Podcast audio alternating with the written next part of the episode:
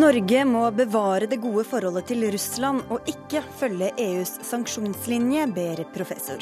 Helt feil strategi, sanksjonene virker, kontrer forsker. Bryggerier lokker med lokalt brygget, men bare navnet, ikke ølet, er lokalt. Juks, mener ølekspert. Norske kvinners sanitetsforening vil være alene om å selge fastelavnsris. De møter blomsterhandler Finn Schjøll i Dagsnytt 18. Og han er blitt kåret til USAs mektigste. Nå gir talkshow-verten John Stewart seg med The Daily Show.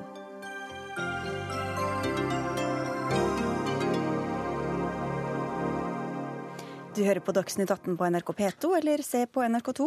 Og vi får også besøk av Jan Erik Vold, som eh, sammenligner norsk asylpolitikk med Tysklands rasepolitikk på 30-tallet. Jeg heter Sigrid Solund. Men vi begynner sendinga om fredsprosessen i Øst-Ukraina, som det har vært hektisk politisk aktivitet om de siste dagene. Akkurat nå foregår det et statsledermøte i Minsk, der både Tysklands Angela Merkel, Frankrikes Francois Hollande, ukrainske Petro Porosjenko og Vladimir Putin fra Russland deltar. Det har vært stor usikkerhet om møtet i det hele tatt ville finne sted, men i ettermiddag bestemte Putin seg for å delta, så da går vi vel en spennende kveld i møte, Helene Skjeggestad, du er journalist i Aftenposten. Ja, det stemmer. Jeg tror det blir en særdeles spennende kveld. Vi skal komme tilbake til deg, men vi skal først til deg, Morten Jentoft. Du er NRKs russlandskorrespondent. Er toppmøtet i gang nå? I alle fall så har eh, alle de lederne som du nevnte i sted, de har kommet til eh, Moskva. Den første var Ukrainas president Petro Porosjenko, som har hatt et kort møte med verten for disse forhandlingene. Den hviterussiske presidenten Aleksandr Lukasjenko. I forbindelse med det møtet så sa Porosjenko det, at nå handler det om å velge vei framover. Enten å få eh, deeskalert situasjonen, roet ned situasjonen, en vei mot fred, eller at vi ikke kommer frem til en avtale, og at det hele havner i fullt kaos. Det forteller litt om alvoret i situasjonen. Nå sitter eh, Porosjenko sammen med president Francois Hollande fra eh, Frankrike og den tyske forbundskansleren Angela Merkel for å meisle ut en felles politikk før møtet med Russlands president Vladimir Putin, som også er kommet til Minsk. Sånn at det blir spennende timer framover i Minsk. Klarer disse lederne nå å komme fram til en politikk som i første omgang, eller en avtale som i første omgang kan føre til en våpenhvile, altså en slutt på de blodige kampene som har eh, drept bare 50 mennesker det siste døgnet øst i Ukraina? Eller fortsetter uenigheten, fortsetter striden? Og at man dermed eh, kan risikere en ytterligere opptrapping med kanskje innblanding også fra andre land i denne farlige konflikten øst i Europa. Og Hva slags løsninger og momenter skal de da diskutere på vei til en potensiell våpenhvile? Det som har sivet ut fra møtelokalet i minst, det er at man er i prinsippet nå enige om en våpenhvile som skal tre i kraft i morgen klokken ti. morgen formiddag klokken ti. Eh, så skal eh, den bli fulgt opp i løpet av to dager med en tilbaketrekking av tunge våpen fra frontlinjen. Frontlinjen er jo på mer enn 400 km. Det blir en tøff og vanskelig oppgave å overvåke en slik, en slik tilbaketrekning. Et av spørsmålene blir jo da hvem skal gjøre det? Og hvilke krefter kan man sette inn for å nå skille partene for å få i gang en fredsprosess. Og Så er det jo spørsmålet hvordan komme videre. Hva slags veikart skal man ha for å finne fram til en mer varig fredsløsning i dette området? Her mener jo Russland at regjeringen i Kiev, den ukrainske regjeringen, må sette seg ned og snakke sammen med separatistene for å få til en løsning. Også Marit Befring, du er NRKs europakorrespondent. Hvor viktig er dette møtet sett med EUs øyne? Ja, dette er veldig viktig fordi det pågår en krig ved EUs yttergrense. Eh, etter opptrappingen de siste ukene så blir dette fredsforsøket sett på som en siste sjanse på å forhandle en fred. I hvert fall så er det det utenriksministeren i Frankrike sier. Og kanskje er det the point of no return. Kanskje må Ukraina gi tapt på landområder. Men fra EUs side så er det viktigste kravet å få den russiske presidenten til å kutte støtten til separatistene og trekke soldater og våpen ut av Ukraina, og da finne en en fredsløsning. Men det var ikke mye optimisme å spore fra Angela Merkels leir før møtet startet. Talsmannen til Merkel sa at det gir et glimt av håp, men når man ser utviklingen på bakken etter at Hollande og Merkel satte i gang dette fredsinitiativet, så ser man jo at, at det nærmest bare har trigget separatistene ytterligere. Og så har Barack Obama sagt at det er mulig at de kan sende våpen til Ukraina uten at de vel har bestemt seg ennå. Hvordan ser EU på det? Ja, akkurat Det er noe som eh, splitter EU. Flere EU-medlemmer i øst føler seg også truet av Russlands aggresjon, og har ment at det er en logisk reaksjon eh, å sende våpen. Og Det har jo vært antydet fra flere diplomater at Litauen, som er en av de som har vært hardest i sin, eh, sin verbale attakk mot Russlands rolle i denne konflikten, allerede forsyner Ukraina med våpen fra sovjettiden som en slags takk for sist. Men det er altså ikke bekreftet. Og andre som Tyskland og Nederland mener våpen ikke er noen løsning, men bare vil eskalere konflikten, samtidig som Kiev likevel forblir underlegen militært. Helene Skjeggestad, du skriver i Aftenposten i dag at du for ett år siden ikke trodde at Ukraina kunne bli delt, men at du tok feil. Hva er det som har skjedd eh, siden den gang? Nei, altså Det Ukraina som møtte meg i forrige uke, var et helt annet Ukraina enn jeg opplevde for et år siden. Eh, og jeg tror at det er på tide at vi begynner å snakke høyt om muligheten for at Ukraina blir delt i to. Eh, grunnen til, til jeg tror det er todelt. Eh, det første er det jeg så på bakken, eh, både i Kiev og i Donetsk i Øst-Ukraina. Og det andre er det storpolitiske, og hvem som har noe å vinne på at denne nå ikke anerkjente grensen på over 400 km består. Og Hvis vi da tar det på, på bakken først, så særlig i Donetsk så opplevde jeg et eh, enormt hat blant de jeg møtte, mot Kiev og mot Vesten generelt. Dette stammer antageligvis fra både russisk propaganda, men òg faktiske artilleri- og rakettangrep både fra ukrainsk side og fra de prorussiske. Altså dette er mennesker som har mista alt, og de klandrer Eh, da Vesten for det. Så det er blitt større splittelse eh, internt i det ukrainske folket, sånn som du har opplevd det? Sånn som jeg opplever det, ja. Eh, dette kan jo ha sammenheng med at de som har vært ja, la oss si pro, pro Kiev i Øst-Ukraina, har flykta. Vi vet jo at ca. en million mennesker er drevet på flukt fra Øst-Ukraina, og at de allerede har forlatt Eh, byer som Donetsk. Da. Mm. Og at de som er igjen, er de som mener at eh, de prorussiske har rett.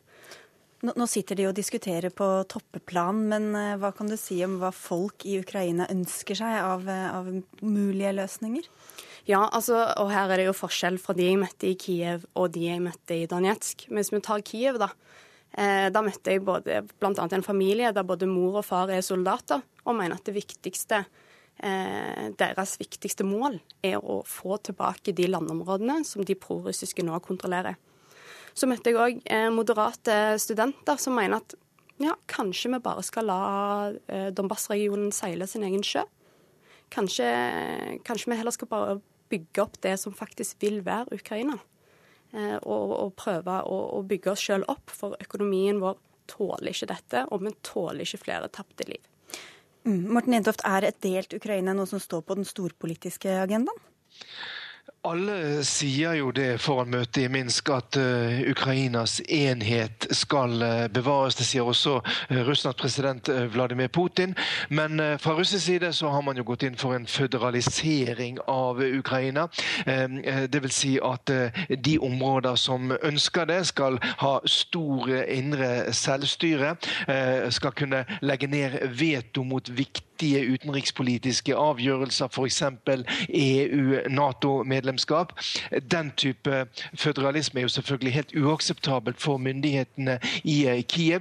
Men det kan hende at de pga. den militære situasjonen som er nå, de tunge nederlagene som de også har lidd på bakken, eh, rett og slett blir tvunget til å godta et, eh, et mer eller mindre selvstendig område innenfor en slags ukrainsk statsstand dannelse. Så mye av dette her er jo det som diskuteres i, i, i Minsk akkurat nå. Og denne storpolitiske spente situasjonen mellom Vesten og Russland er også noe som gjenspeiles blant folk i Ukraina, med et, et hat blant da i Øst-Ukraina mot Vesten, opplevde du, Skjeggestad? Ja, absolutt. Eh, jeg kan ikke skjønne hvordan noen av de jeg møtte, som var så sinte og hadde så mye hat, kan, eh, kan godta å bli eh, styrt fra Kiev. Vi må si takk til dere, Helene Skjeggestad, Morten Jentoft og også Marit Befring, men vi skal ikke slippe temaet helt ennå.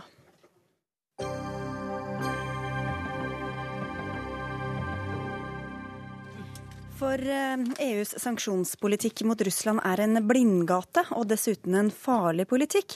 Det kan vi lese i et innlegg i Aftenposten i dag, forfattet av deg, professor i moderne russisk historie, Åsmund Egge. For du tar til orde for at Norge bryter med denne sanksjonslinja EU har overfor russerne. Hvorfor det? Ja, altså, Norge er i en uh, helt annen situasjon enn EU-land som er forpliktet av EU-vedtak. Norge er ikke medlem av EU. Norge har et tradisjonelt eh, og historisk eh, tusen år gammelt eh, langt vennskapsforhold med Russland, eller i hvert fall relativt godt forhold. Og vi har Nord-Norge og nordområdene som gjør at det er påkrevet med å opprettholde et godt forhold til Russland. Dessuten så tror jeg ikke at sanksjonene vil fungere overfor russerne, fordi det her er tale om så vitale strategiske interesser. Russerne vil aldri akseptere Nato-baser langs den ukrainske-russiske grensen. Ja, for du, du, advarer sterkt både mot at USA sender eh, våpen til Ukraina, slik de altså vurderer, som vi hørte, og at uh, Ukraina opptas som en del av Nato. Hvorfor det? Nei, eh, altså det, det Eh, Russland eh, har som sagt strategiske, eh, vitale strategiske interesser. Og de vil ikke akseptere at Ukraina blir Nato-medlem. Og den hybridkrigen som Putin nå driver i, i, øst, den er, så vidt jeg kan forstå, et forsøk på å oppnå en politisk løsning som innebærer nettopp ikke Nato-medlemskap for Ukraina, og også en, en føderalisering uh, av en eller annen form som, uh, som altså gir disse Donetsk og Luhansk mer eller mindre indre selvstyre.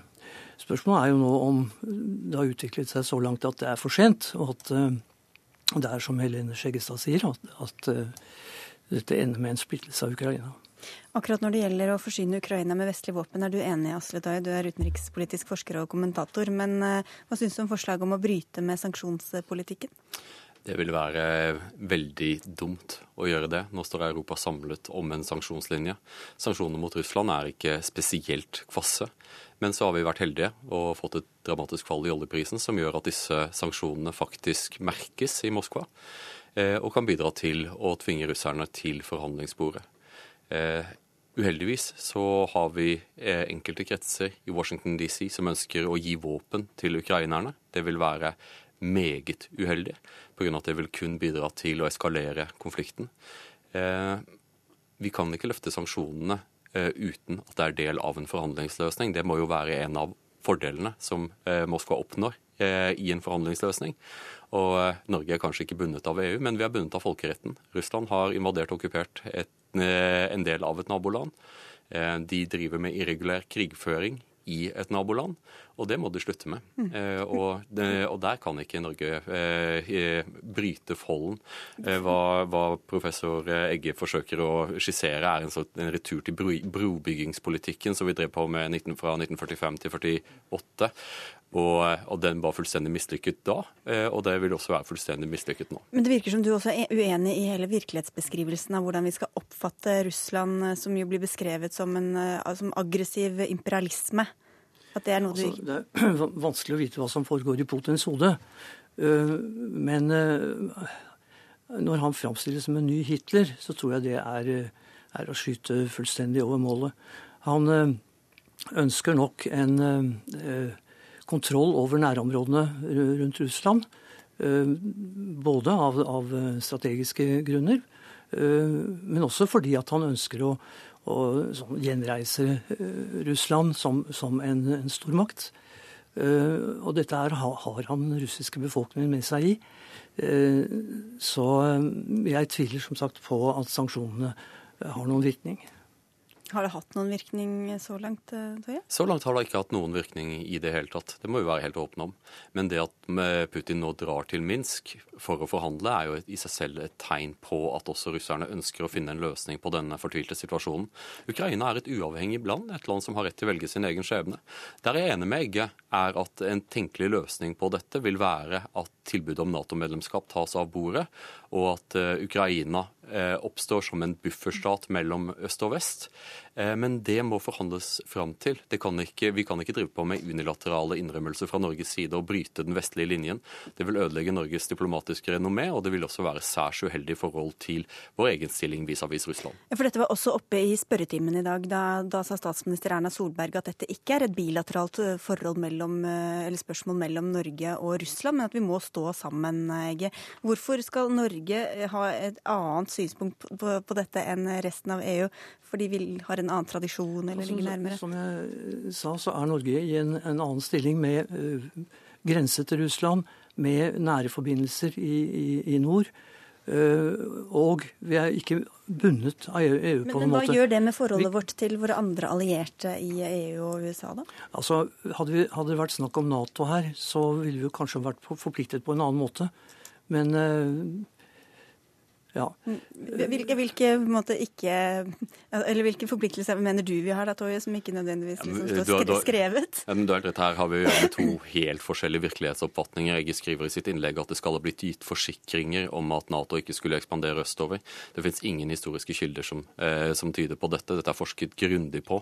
Og hadde det fantes noen slik eh, avtale mellom, eh, mellom eh, Russland og andre land, så hadde nok Putin presentert det. Dette er rent er russisk propaganda.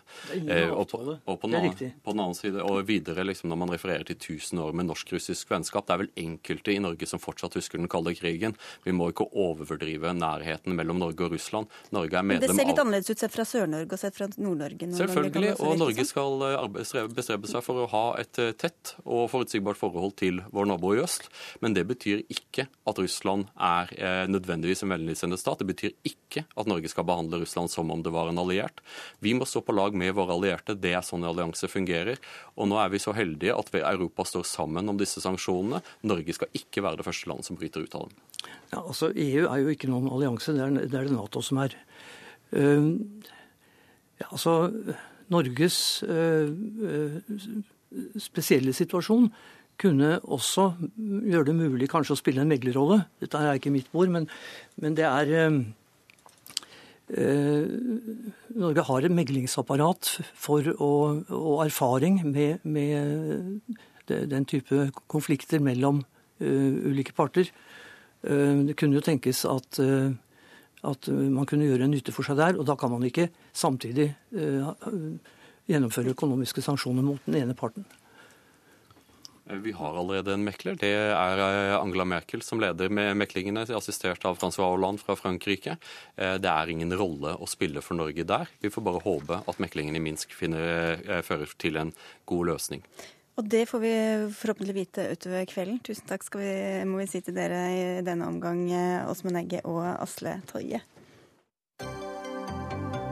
Dagsnytt 18 alle hverdager klokka 18. På NRK P2 og NRK2.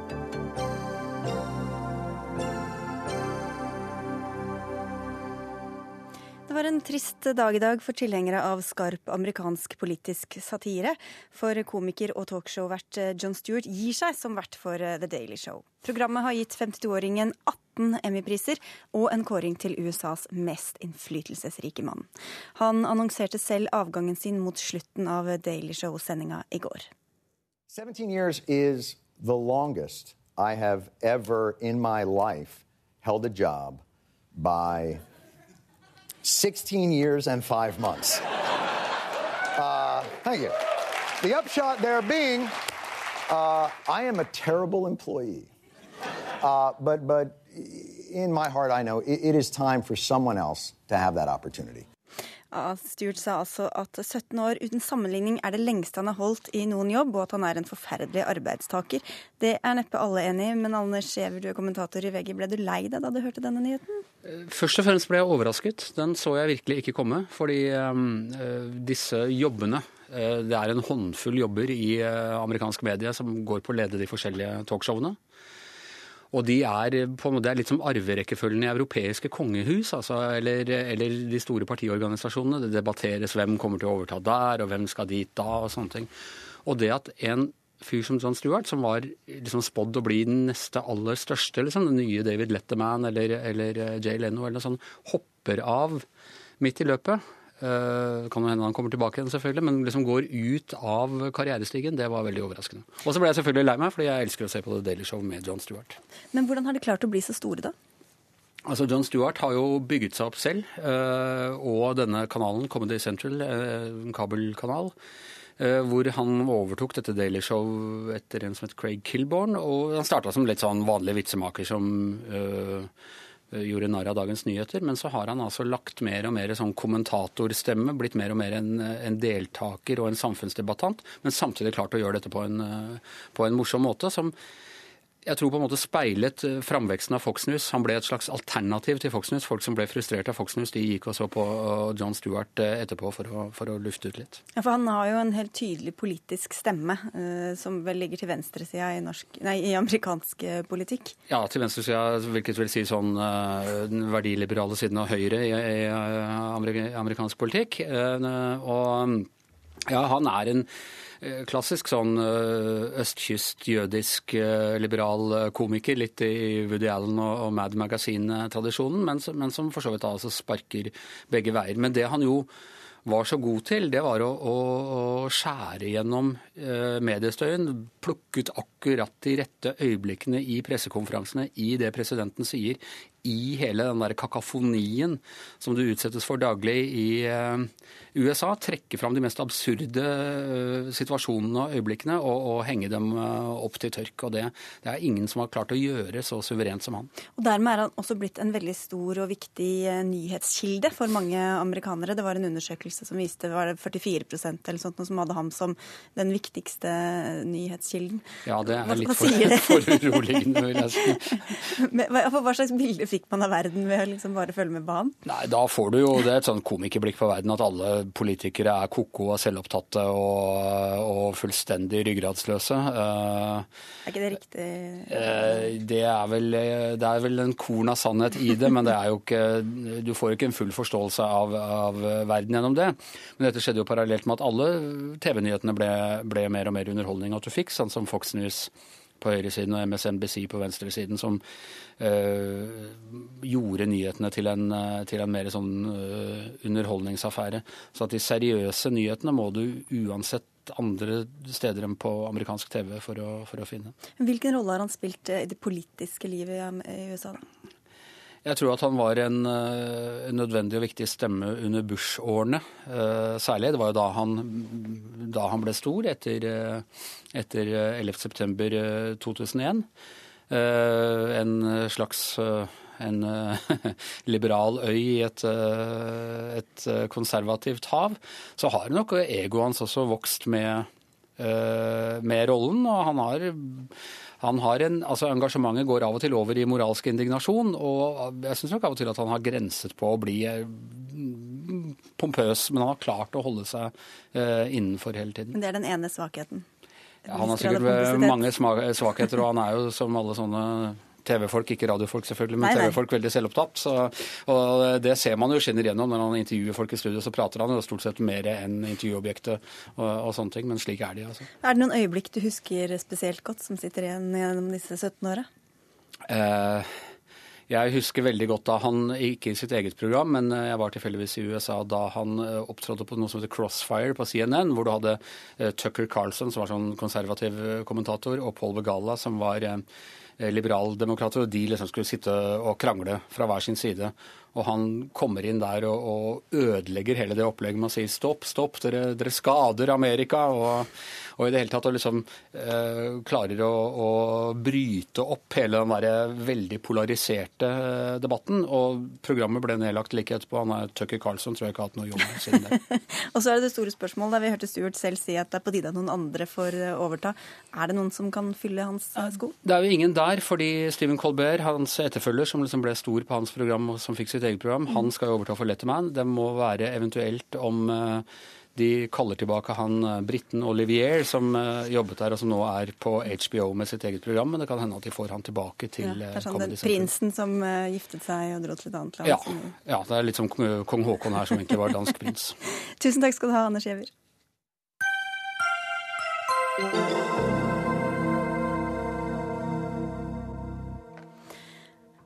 Er du en av dem som liker å kjøpe lokalt brygget øl framfor de industrielle stormerkene? Sender du en eh, varm tanke til Nord-Norge hvis du kjøper deg en boks nordlandspils, eller mimrer om eh, Stavanger når du tar med deg en tau?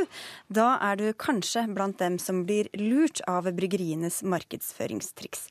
For ølet er ofte ikke lokalt annet enn i navnet.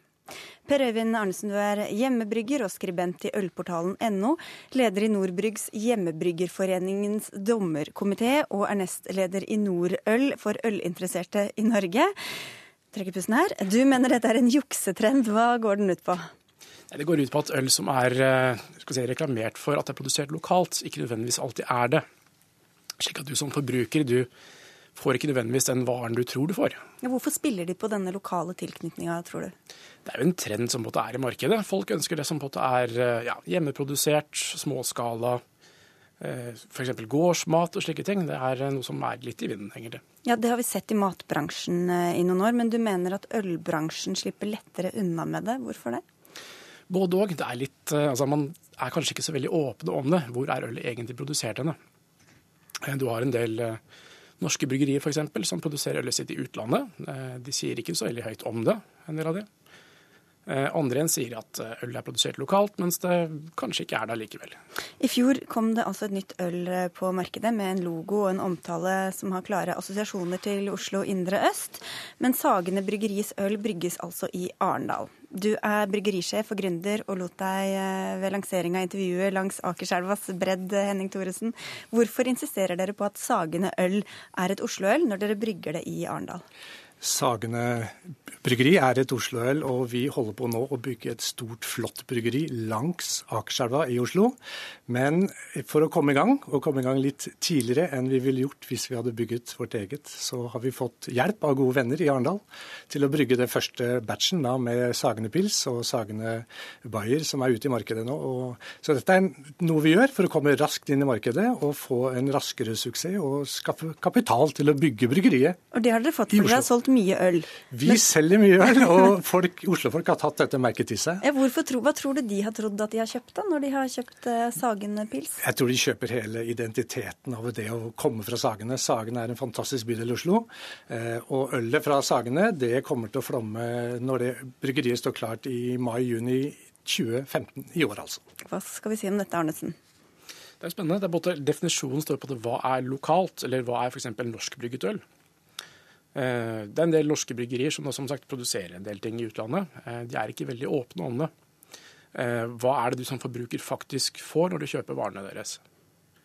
Kjøper du, eller kjøper du øl fra Coldboy f.eks., som holder til på Askim, så er det egentlig produsert i England. Kjøper du øl fra Ladegård, som du tror er i Trondheim, så er det egentlig produsert på Grans bryggeri f.eks. Men hva har egentlig vært Oslo i Sagene-øl i fjor, da? Oppskriften er brygget Skrevet i Oslo? nei, nei, nei, vi har et bryggeri på Sagene. Det er bare ikke så veldig stort.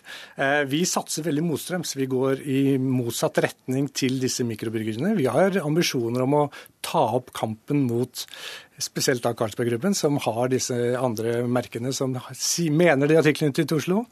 Og Derfor må vi ha tilknytning til en tappemaskin som kan tappe på boks. og Det er grunnen til at vi må bruke den. Men hvorfor venta dere ikke til dere kunne ha det å lage et Oslo-øl? vil du si at det er et Oslo-øl det dere har solgt i butikkene i 2014? Ja, det vil jeg si. Det er, eh, oppskriften har vi laget, eh, laget, selv, og vi har fått da hjelp til å brygge det et, på et annet bryggeri. I mai, i juni, så kommer vårt eget øl ut fra bryggeriet i, på Sagene. Hva er egentlig problemet med at hvis oppskriften da, er laget et sted, og så brygger man det et annet sted og kaller det for det opprinnelige? Ja, sånn som i det Sagene-tilfellet, Arnesen. Problemstillingen er egentlig i forhold til hva er det du faktisk får. Det vi frykter, er jo på at du kommer over på litt, litt mer svenske og belgiske tilstander. I Sverige så er det f.eks. Spendrup som hvert år lanserer et nytt bryggerinavn hvert eneste år.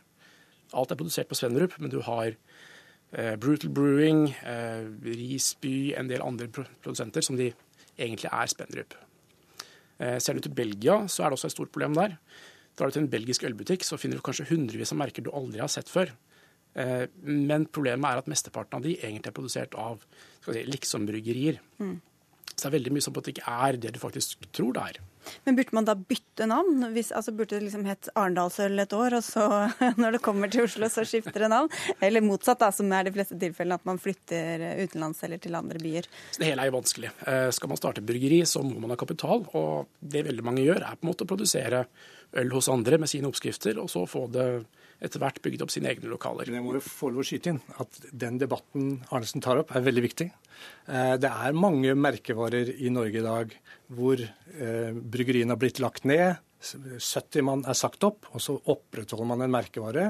Og jeg ville si lurer kundene om at det bryggeriet fortsatt eksisterer. Det er en stygg ting.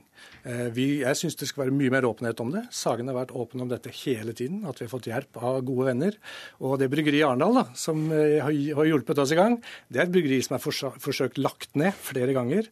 Vi har redda det bryggeriet, samarbeid med oss, 30 arbeidsplasser, norsk øl. Ja, hva, skjer med, hva, skjer med, det etter hvert, da? De kommer til å fortsette, og de er i gang nå. Så dere skal fortsette å brygge i Arendal, da? Vi kommer til å bruke den bokselinja de har. Den, den, den får ikke vi etablert i Oslo. Den, det koster altfor mye penger. Okay, så fortsatt eh, neste år, hvis du kjøper Sagene-øl på boks, så er det Arendals-Sagen-øl? Da er det Sagene-øl som er tappet av på bokslinja til Arendal. Hvor er det lokale da, liksom, i det ølet? Det er masse lokalt. Vi kommer til å ha mange varianter på, på og alt kommer til å være tappet da på, på Sagene. På flaske, som vi kommer til å ha på Vinmonopolet, i dagligvarebutikkene og allting. Men boksølet vil nok bli tappet på Sagene, nei, på Sarendal en god stund framover. Inntil vi kanskje får nok kapital til å bygge en egen sånn linje. Men det vil koste masse penger. Men du, føler, du er ikke redd du da, for at eh, de, eh, dine kunder skal føle seg litt lurt når de hører denne debatten f.eks.? Nei, jeg tror de forstår det. Jeg tror de forstår det, fordi jeg tror Norge nå Husk at de utenlandske aktørene har over 60% markedsandel av det norske ølet. Det selges nesten 600 millioner enheter øl i Norge i året. Og må, de norske må stå sammen. Vi har 40% av markedet sammen. Vi må stå sammen mot de utlendingene som legger ned og ødelegger ølkulturen vår. Uff da. Men det er jo litt godt øl i utlandet også, da kan vi vel kanskje enes om, eller? Hvorfor skal vi drikke utenlandsøl når vi brygger bedre øl hjemme? Men da står det på de boksene, da står det Sagenøl brygget eh, hos gode venner i Arendal. Hos brygget Det står ikke hvor det er brygget, det Nei. står bare Sagene bryggeri i Oslo, for vi er et Oslo-selskap. Ja. Nå er vi snart ti ansatte i Oslo. Vi brygger i Oslo, og vi er et veldig bra Oslo-merke. Ja, det ble veldig mye reklame her. Er det, er det litt sånn villedende, syns du, når boksene liksom ikke står noe på dem? Det er det det hele går på. Altså, som forbruker så vil du på en måte vite hvor er det faktisk produktet ditt kommer fra. Hva er det faktisk du kjøper. Eh, ta Mattilsynet nå. De har jo nå sagt til Orkla at dere får ikke lov til å lage hjemmelaget syltetøy lenger. Folk tror ikke at det er noen som bor på fabrikken, men det handler litt om du får faktisk hva som står på boksen. Nå føler jeg at vi fortjener en sånn eh, kasse med øl fra Arendal-Sagen. Det har jeg med meg. nei, nei, nei, nei, nei, nei. Takk skal dere ha for at dere kom til Dagsnytt 18. Hør Dagsnytt 18 når du vil. Radio NRK.no.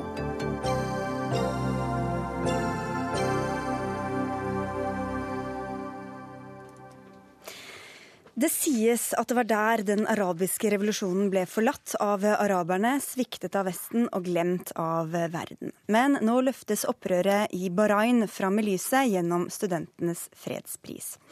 Den går til 23 år gamle Ayat al-Kormozi, som er nettopp fra denne øystaten i den persiske gulfen. Al-Kormotzi ble fengslet og torturert etter at hun leste opp et frihetsdikt på Perleplassen i hovedstaden Manama for snart fire år siden. Og Vi skal snart høre fra hovedpersonen selv, men først Jørn Vikne Pedersen, du er leder av Studentenes fredspriskomité. Først må du bare fortelle, hva er denne fredsprisen?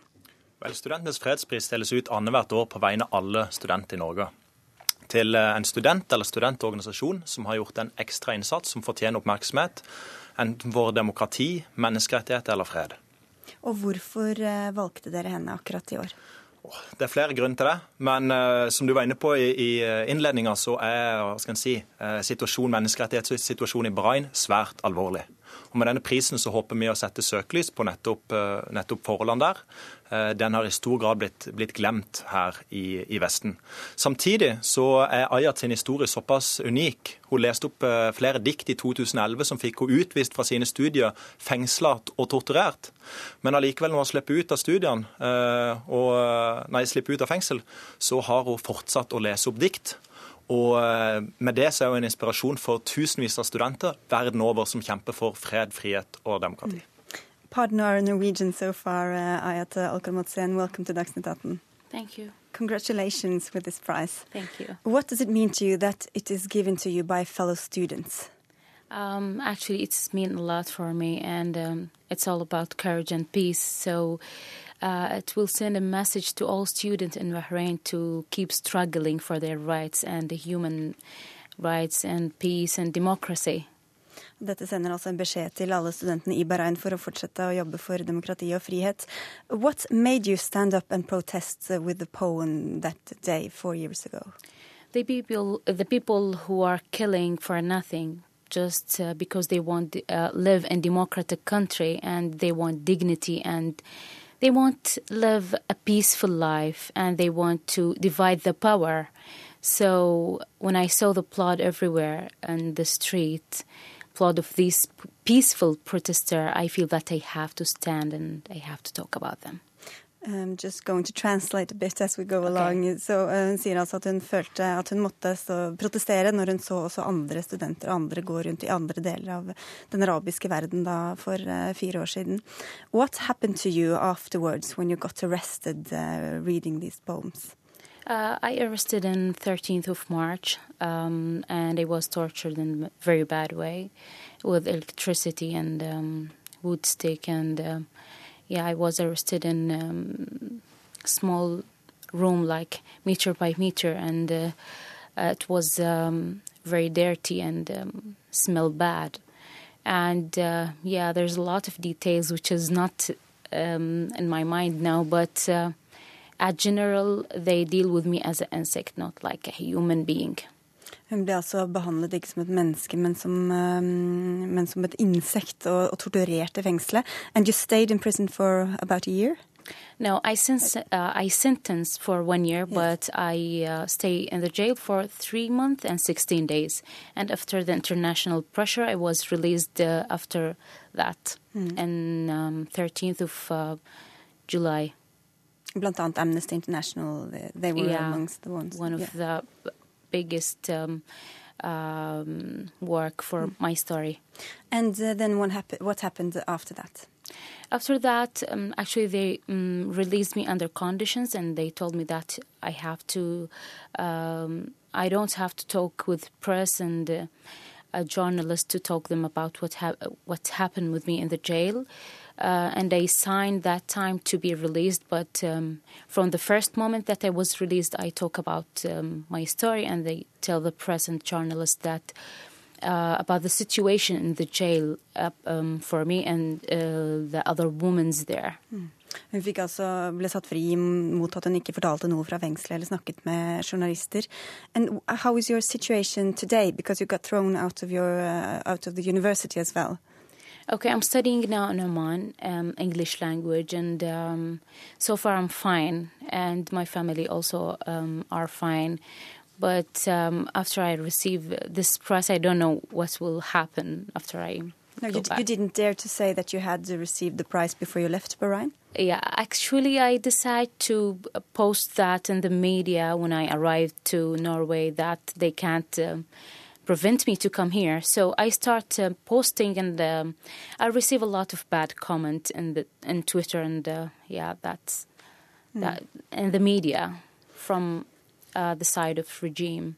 Yes. Og hun sier altså at hun turte ikke å si at hun vant denne prisen før hun kom til Norge, og har fått mye negative kommentarer pga. grunn av det. What can you say to our Norwegian and your Norwegian listeners uh, right now about the situation for human rights and freedom of speech in your home country? Okay, um, we need international pressure, and um, I want to send a message for the student in Norway and and, and the world you have to be educated because the um, criminal regime hate educated people and they afraid about them. So we have to be edu educated to be stronger than them and to know and to um, be aware about our rights. Mm. Thank you very much. I'm going to switch to Norwegian just a few sentences uh, with okay. your friend here. Hvor bekymra er dere for situasjonen i Bahrain nå? Det er jo ikke et land vi følger veldig tett, sånn fra norsk side i hvert fall. Nei, og det håper vi at kan, endre, kan endres. Uh, Ayat har nå snakka i dag til flere medlemmer i, den, eh, i Stortingets utenrikskomité. Samtidig så håper vi at uh, vi får en del medieoppmerksomhet rundt situasjonen der nå.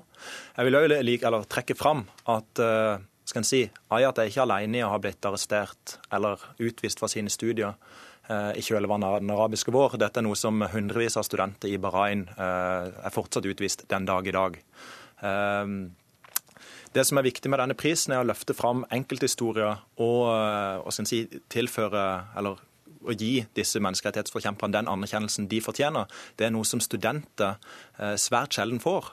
Studenter student i Zimbabwe, Colombia, Iran har de siste årene fått den utmerkelsen for den enorme, enormt viktige kampen de gjør i, i sine land. Hun leste altså et dikt som var tydeligvis farlig nok til å bli kastet i fengsel. Hvordan kan norske ungdommer og studenter la seg inspirere av å høre hennes og andre, som du sier, historie? Jeg tror at man uh, må iallfall tenke på at uh, når uh, hva skal jeg si, Ayat klarer å gjøre så mye godt arbeid som hun gjør, under de, si, den konteksten som hun opererer i, hvor hun risikerer å bli torturert og fengsla og utvist, så bør vi som norske studenter Eh, legge enda mer innsats i arbeid for internasjonal solidaritet. Mm. Og Der har norske studenter også tidligere, eller norske studenter er gode på dette. Og vi har klart de siste årene fått oppretta en ordning som heter Students at Risk, hvor studenter som har blitt utvist, eller noen få av de, kan få fullføre studiene sine her i Norge i de årene som kommer. Ok, Så uh, i morgen er det freds, nei, skal fredsprisen deles ut? Da er det mange som gleder seg over hele landet og internasjonalt. Dersom man ikke har anledning til å være i Trondheim, så kan man følge uh, seremonien. Uh, den streames live på internett. Takk skal du ha, and thank you very much for coming and good luck. Thank you. Okay.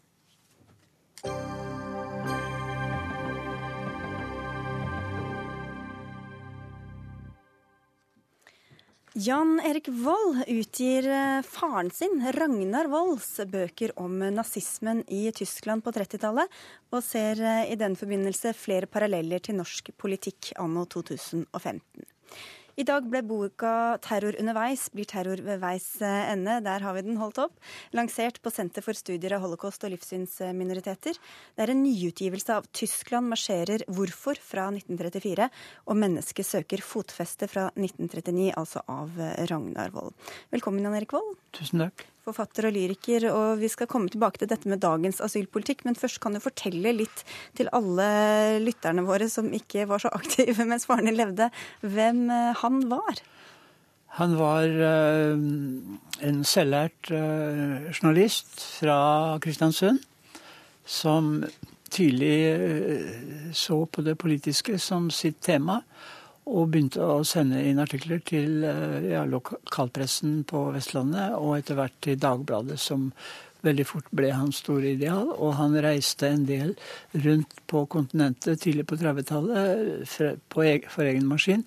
Og fikk store kunnskaper og så hva som eh, foregikk, og var veldig foruroliget over det. Og skaffet seg dokumenter og leste alt hadde Hitler hadde skrevet, og alle de andre hva de gjorde og hva de skrev og hva de sto for. Og informerte Dagbladets og norske lesere om det. Ja, For han var ganske forut for sin tid eh, når det gjaldt å se Han var samtidig med sin tid. Det er de andre som, som lå etterpå. Så han, eh, mange har sagt da at han var den største antinazistiske penn i Norge på 30-tallet.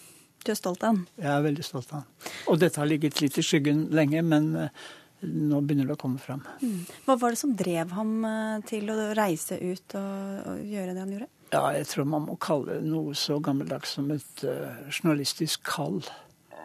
Han så at noe var veldig feil, og han, det falt på han å si fra om dette. Han var skrivende så var ledende i, i Gymnassamfunnet og skoleavis og alt sånt noe. Og så uh, drev han da mot journalistikken, og så skaffet han seg store kunnskaper. Og, og, dette delte han med mange andre. Og han så at det var veldig få etter hvert som fulgte ham overalt. Og det som gjør han spesiell i norsk journalistikk, er at mange etter hvert eh, tok avstand fra Mussolini og fra Hitler. Men eh, det med Stalin var det mange som hadde vondt for å kritisere, for det tross alt det skulle blitt så bra der i Russland. Det var uh, Ragnar Wolds uh, synspunkt uh, er at du kan ikke godta terror ett sted og du kan ikke fordømme terror i noen land og, og, si at det er OK i noen andre land. Det er terror er terror, og det er man imot. Og som den ene boktittelen spiller på, at målet helliger ikke middelet for noen. Nei. Og det er så lett å si ja, men det skal bli bra, da må vi gjøre dette. Og en av hans uh, motstandere der var jo faktisk vår store nasjonalhelt uh, Nordahl Grieg, mm. som kalte dette gumanisme. Altså en bløtaktig form for humanisme som ikke skjønte at nå er det alvor, og nå, må vi ofre. Uh, Ragnar Wold sa det blir alltid feil i siste ende. Også Han var utenrikskorrespondent, var i Tyskland eh, fram til 1933 for eh, Dagbladet, og måtte da rømme. Ja, Han var i og for seg da bare sendte inn ting og fikk det på trykk, men så måtte han flykte hals over hode fra eh, Berlin i 1933, og da i løpet av et år så ble det en ledig stilling som han hadde veldig lyst til å få. Den fikk han i 34, og der ble han, og der ble han livet ut. Og så til uh, måtte, hva vi kan lære av dette i 2015. Hvorfor er det han skrev om relevant for oss uh, i dag, sånn at vi burde da løpe og kjøpe denne boka som du holder opp? Ja, det kan du si. Jeg har strevet i mange, mange år, i hvert fall ti, på å få ut uh, fars politiske, to, to, politiske bøker. Men det har ikke villet seg, og nå kommer det. Og plutselig så ser jeg at timingen er aktualiserer dette veldig noe han sier, og som mange andre har sagt ettertid, nazismen var noe så nytt at man klarte ikke å forholde seg parlamentarisk eller helt rasjonelt til det. Og Hitlers løgnaktigheter i alle sine taler det ble tatt for god fisk, mens mange skjønte at nå ljuger han, og nå ljuger han, og nå ljuger han. Noe av det samme nye er denne globale terror aktiviteten som vi ser på mange felt, ikke minst da i de muslimske land. Og hvordan skal vi forholde oss til det? Det, det er noe nytt som verdenshistorien i den utstrekning ikke har sett. Vi har jo sett det i Norge også, for den del. så... Men, men, så er det også ute i Dagsavisen i dag og sammenligner dagens asyl-, flyktning- og innvandringspolitikk med tilstanden i Tyskland på 30-tallet. Hva er likhetene der? Ja, når man eh, når de kommer med forslag om tiggerforbud, og at det skal være straffbart å hjelpe, da er vi i et land som ikke jeg ønsket var mitt fedreland. Men hvordan, altså bare for å ha sagt det, Der, der jo, vil jo regjeringsmedlemmene si at det var ikke det som var intensjonen, eller var ikke det de mente. og Vi har ringt både Justisdepartementet og Høyre og Fremskrittspartiet i dag, og alle har takket nei til å komme til Dagsnytt 18. Men hvordan kan du trekke parallell mellom rett og slett altså, jødeutryddelse, et ekstremt regime og norsk asylpolitikk? Vår finansminister har klart å få så mange Eh, asylflyktninger sendt tilbake til eh, Afghanistan. Der meningen med denne nye eh, avtalen mellom regjeringspartiene var at lengeværende barn skal man drøye sist med å sende ut. Han har blåst i det og sendt ut masse barnefamilier. Og dette har jo skjedd i en sånn utstrekning at også Afghanistan protesterer. og og også etterpå sier han ja, jeg visste ikke det, min beskjed nådde ikke fram. Det tror jeg ikke noe på. Han, han, er en rasist som vil ha disse folkene ut av landet. Jeg regner med at du mener justisministeren, du tar ja. finansministeren. Ja, men ja, du, en, en rasist, hvordan er det rasistisk å forholde seg til internasjonale lover og regler på asyl- og innvandringsfeltet? Ja, men det står jo at uh, hensyn til barna skal veie minst like tungt, om ikke mer, enn innvandringspolitiske eh, strategier fra et land. Og, og, og da Det er jo Norge som Europas rikeste nasjon som kunne ha gjort mer for å lette tilstanden i verden, som gjørs på å få disse ut. Svenskene tar til neste år regner med å ta 100 000 flyktninger. Vi tar 1000. Tar, ja, nå tenker du på kvoteflyktninger, men det, altså der, her er det jo mange forskjellige kategorier. da. Men ja. hva, Du kaller altså justisministeren en, en, rasist, men hvor godt har du satt deg inn i fakta og, og reglene i, på dette feltet i norsk politikk? Nei, det kan du si hvor godt har jeg det. Men han har i hvert fall ikke informert Stortinget om at det han sa, eller det som var meningen, det skulle gå ned til politimyndighetene. Så han gir politiet skylda for, skylda for at disse er sendt ut av landet før, før endelig siste rettsavgjørelse er skjedd. Men hva gjør det med norsk debattnivå å trekke inn Nazi-Tyskland og kalle justisministeren en rasist, tror du? Hvorfor vil han ha Altså, vi hadde en statsminister som sa det er typisk norsk å være god. Det skulle jeg gjerne ha sett noen fra Arbeiderpartiet dementere. Det som er typisk norsk, er å være selvgod. Det vil jeg ha på min gravstein. Det er typisk norsk å være selvgod. Og at vi ikke ser dette ansvaret vi burde hatt. Vi er Europas rikeste land. Hvorfor? Jo, fordi Jens Evesen klarte å bløffe hele verden med at der hvor nordmenn aldri har satt sin fot, nemlig på bunnen av havet, der ligger det olje som er norsk. Derfor er vi blitt så rike, og da burde vi føle oss forpliktet til å gjøre litt mer enn mange andre nasjoner. Jeg kan tenke meg at uh, sånn ca. 90% av det du har sagt, uh, hadde mange vært uenig i. Vi hadde ønsket å få en debatt i dag, men det var det ingen som ville stille opp med. Men du føler at du går i faren dins fotspor ved denne å trekke opp disse Noen må si det. Jan Erik Vold, takk skal du ha for at du kom til eh, Dagsnytt 18.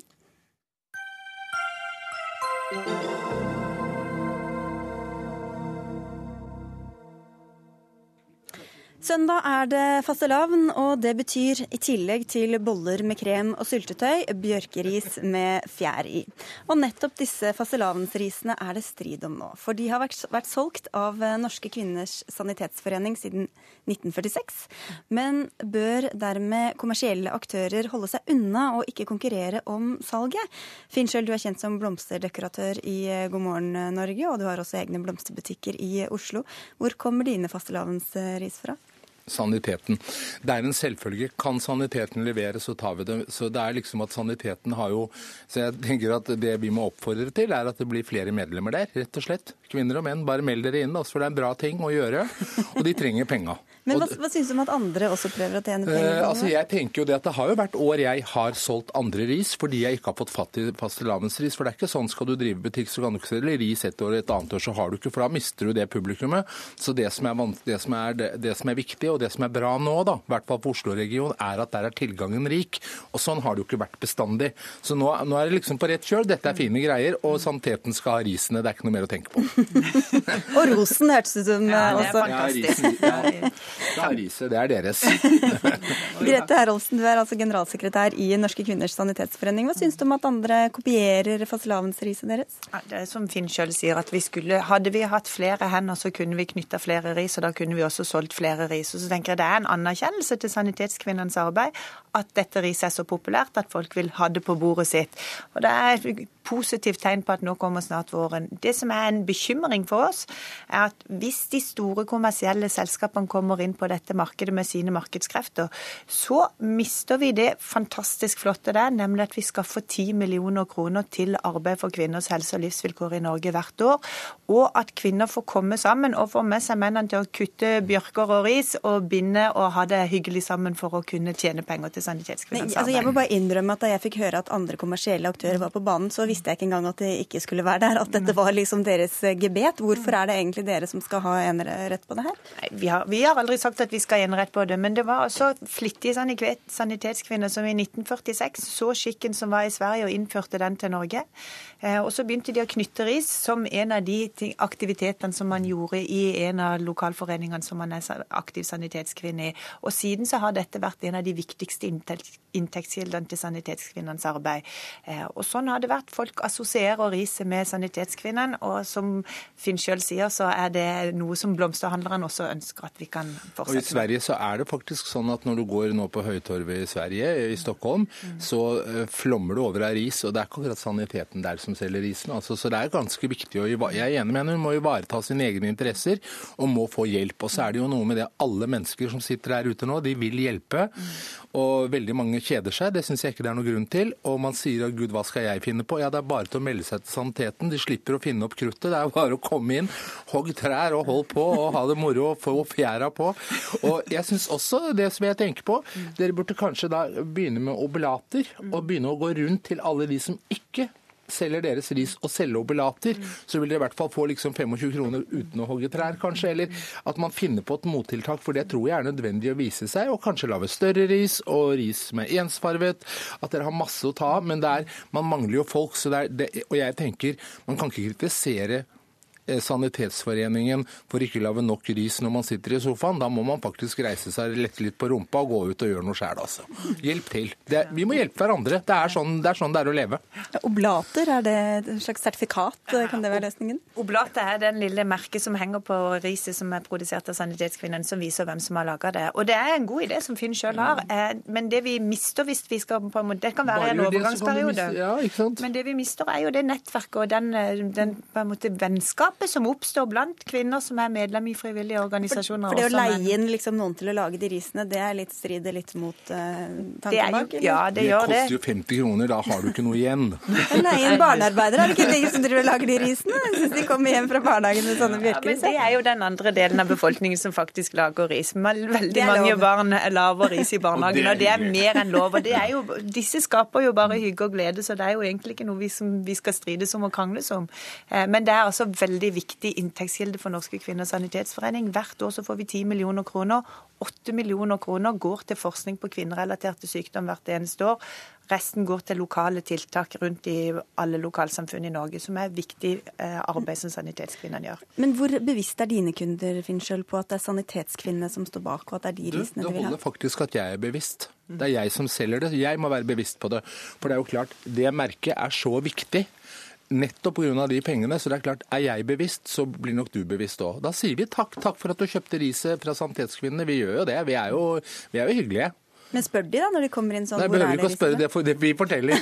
Herregud, det er ikke kvitt eller dobbelt. Skal du ha fastelavnsris? Nei, det er litt sånn når du sier jeg skal ha fastelavnsris, ja, der har vi sanitetens, vær så god. For vi er jo stolte av å få lov til å selge sanitetens. det er jo det vi vil. Men, men, dere har kanskje litt problemer med å nå ut til folk? da, Fortelle hva det er dere driver med, både når det gjelder ris og når det gjelder aktiviteter resten av året? Absolutt, så derfor så er vi veldig veldig glad for alle anledninger vi får til nettopp å fortelle om vårt arbeid, noe som fastelavn gir oss en god anledning til. Og så har vi jo fantastiske ambassadører som her heier på Sanitetskvinnen, så dette kunne ikke bli bedre. Du er blitt vasket av saniteten fra den dagen jeg ble født, og det glemmer man. Det er ikke, altså, og jeg er ikke, jeg er ikke død ennå, jeg er ikke steingammal. Og det er jo sånn at det var badehus over hele Norge. Bad er jo en nyhet som kom til Norge for 40-50 år siden. Før det så var det saniteten som holdt på. De har alltid tatt tak i det sanitære og det som har vært viktig for menneskene. Og jeg tror at dette folk, når de går på en helsestasjon, så er det kanskje verdt å tenke på hvor kommer penga fra. Mm. Men uh, du sa at menn og kvinner skulle melde seg inn. ja, du... selvfølgelig menn. Det er det som er morsomt, da. Herregud, det sitter jo en hærskare av menn der ute som er Dere er vel ikke gutter, dere er vel ikke dumme? Herregud, dere vet vel hvor de flotte damene er? Det er jo sanitetsdamene.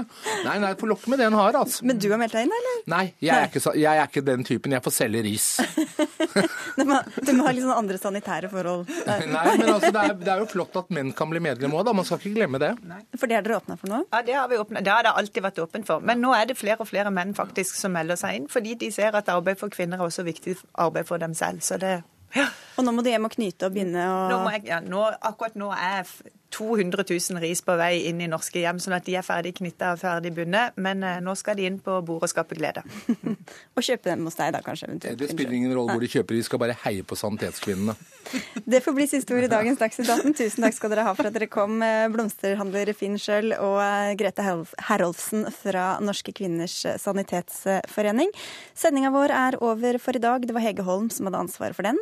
Lisbeth Sellereite var tekniker, og jeg heter Sigrid Elise Solund.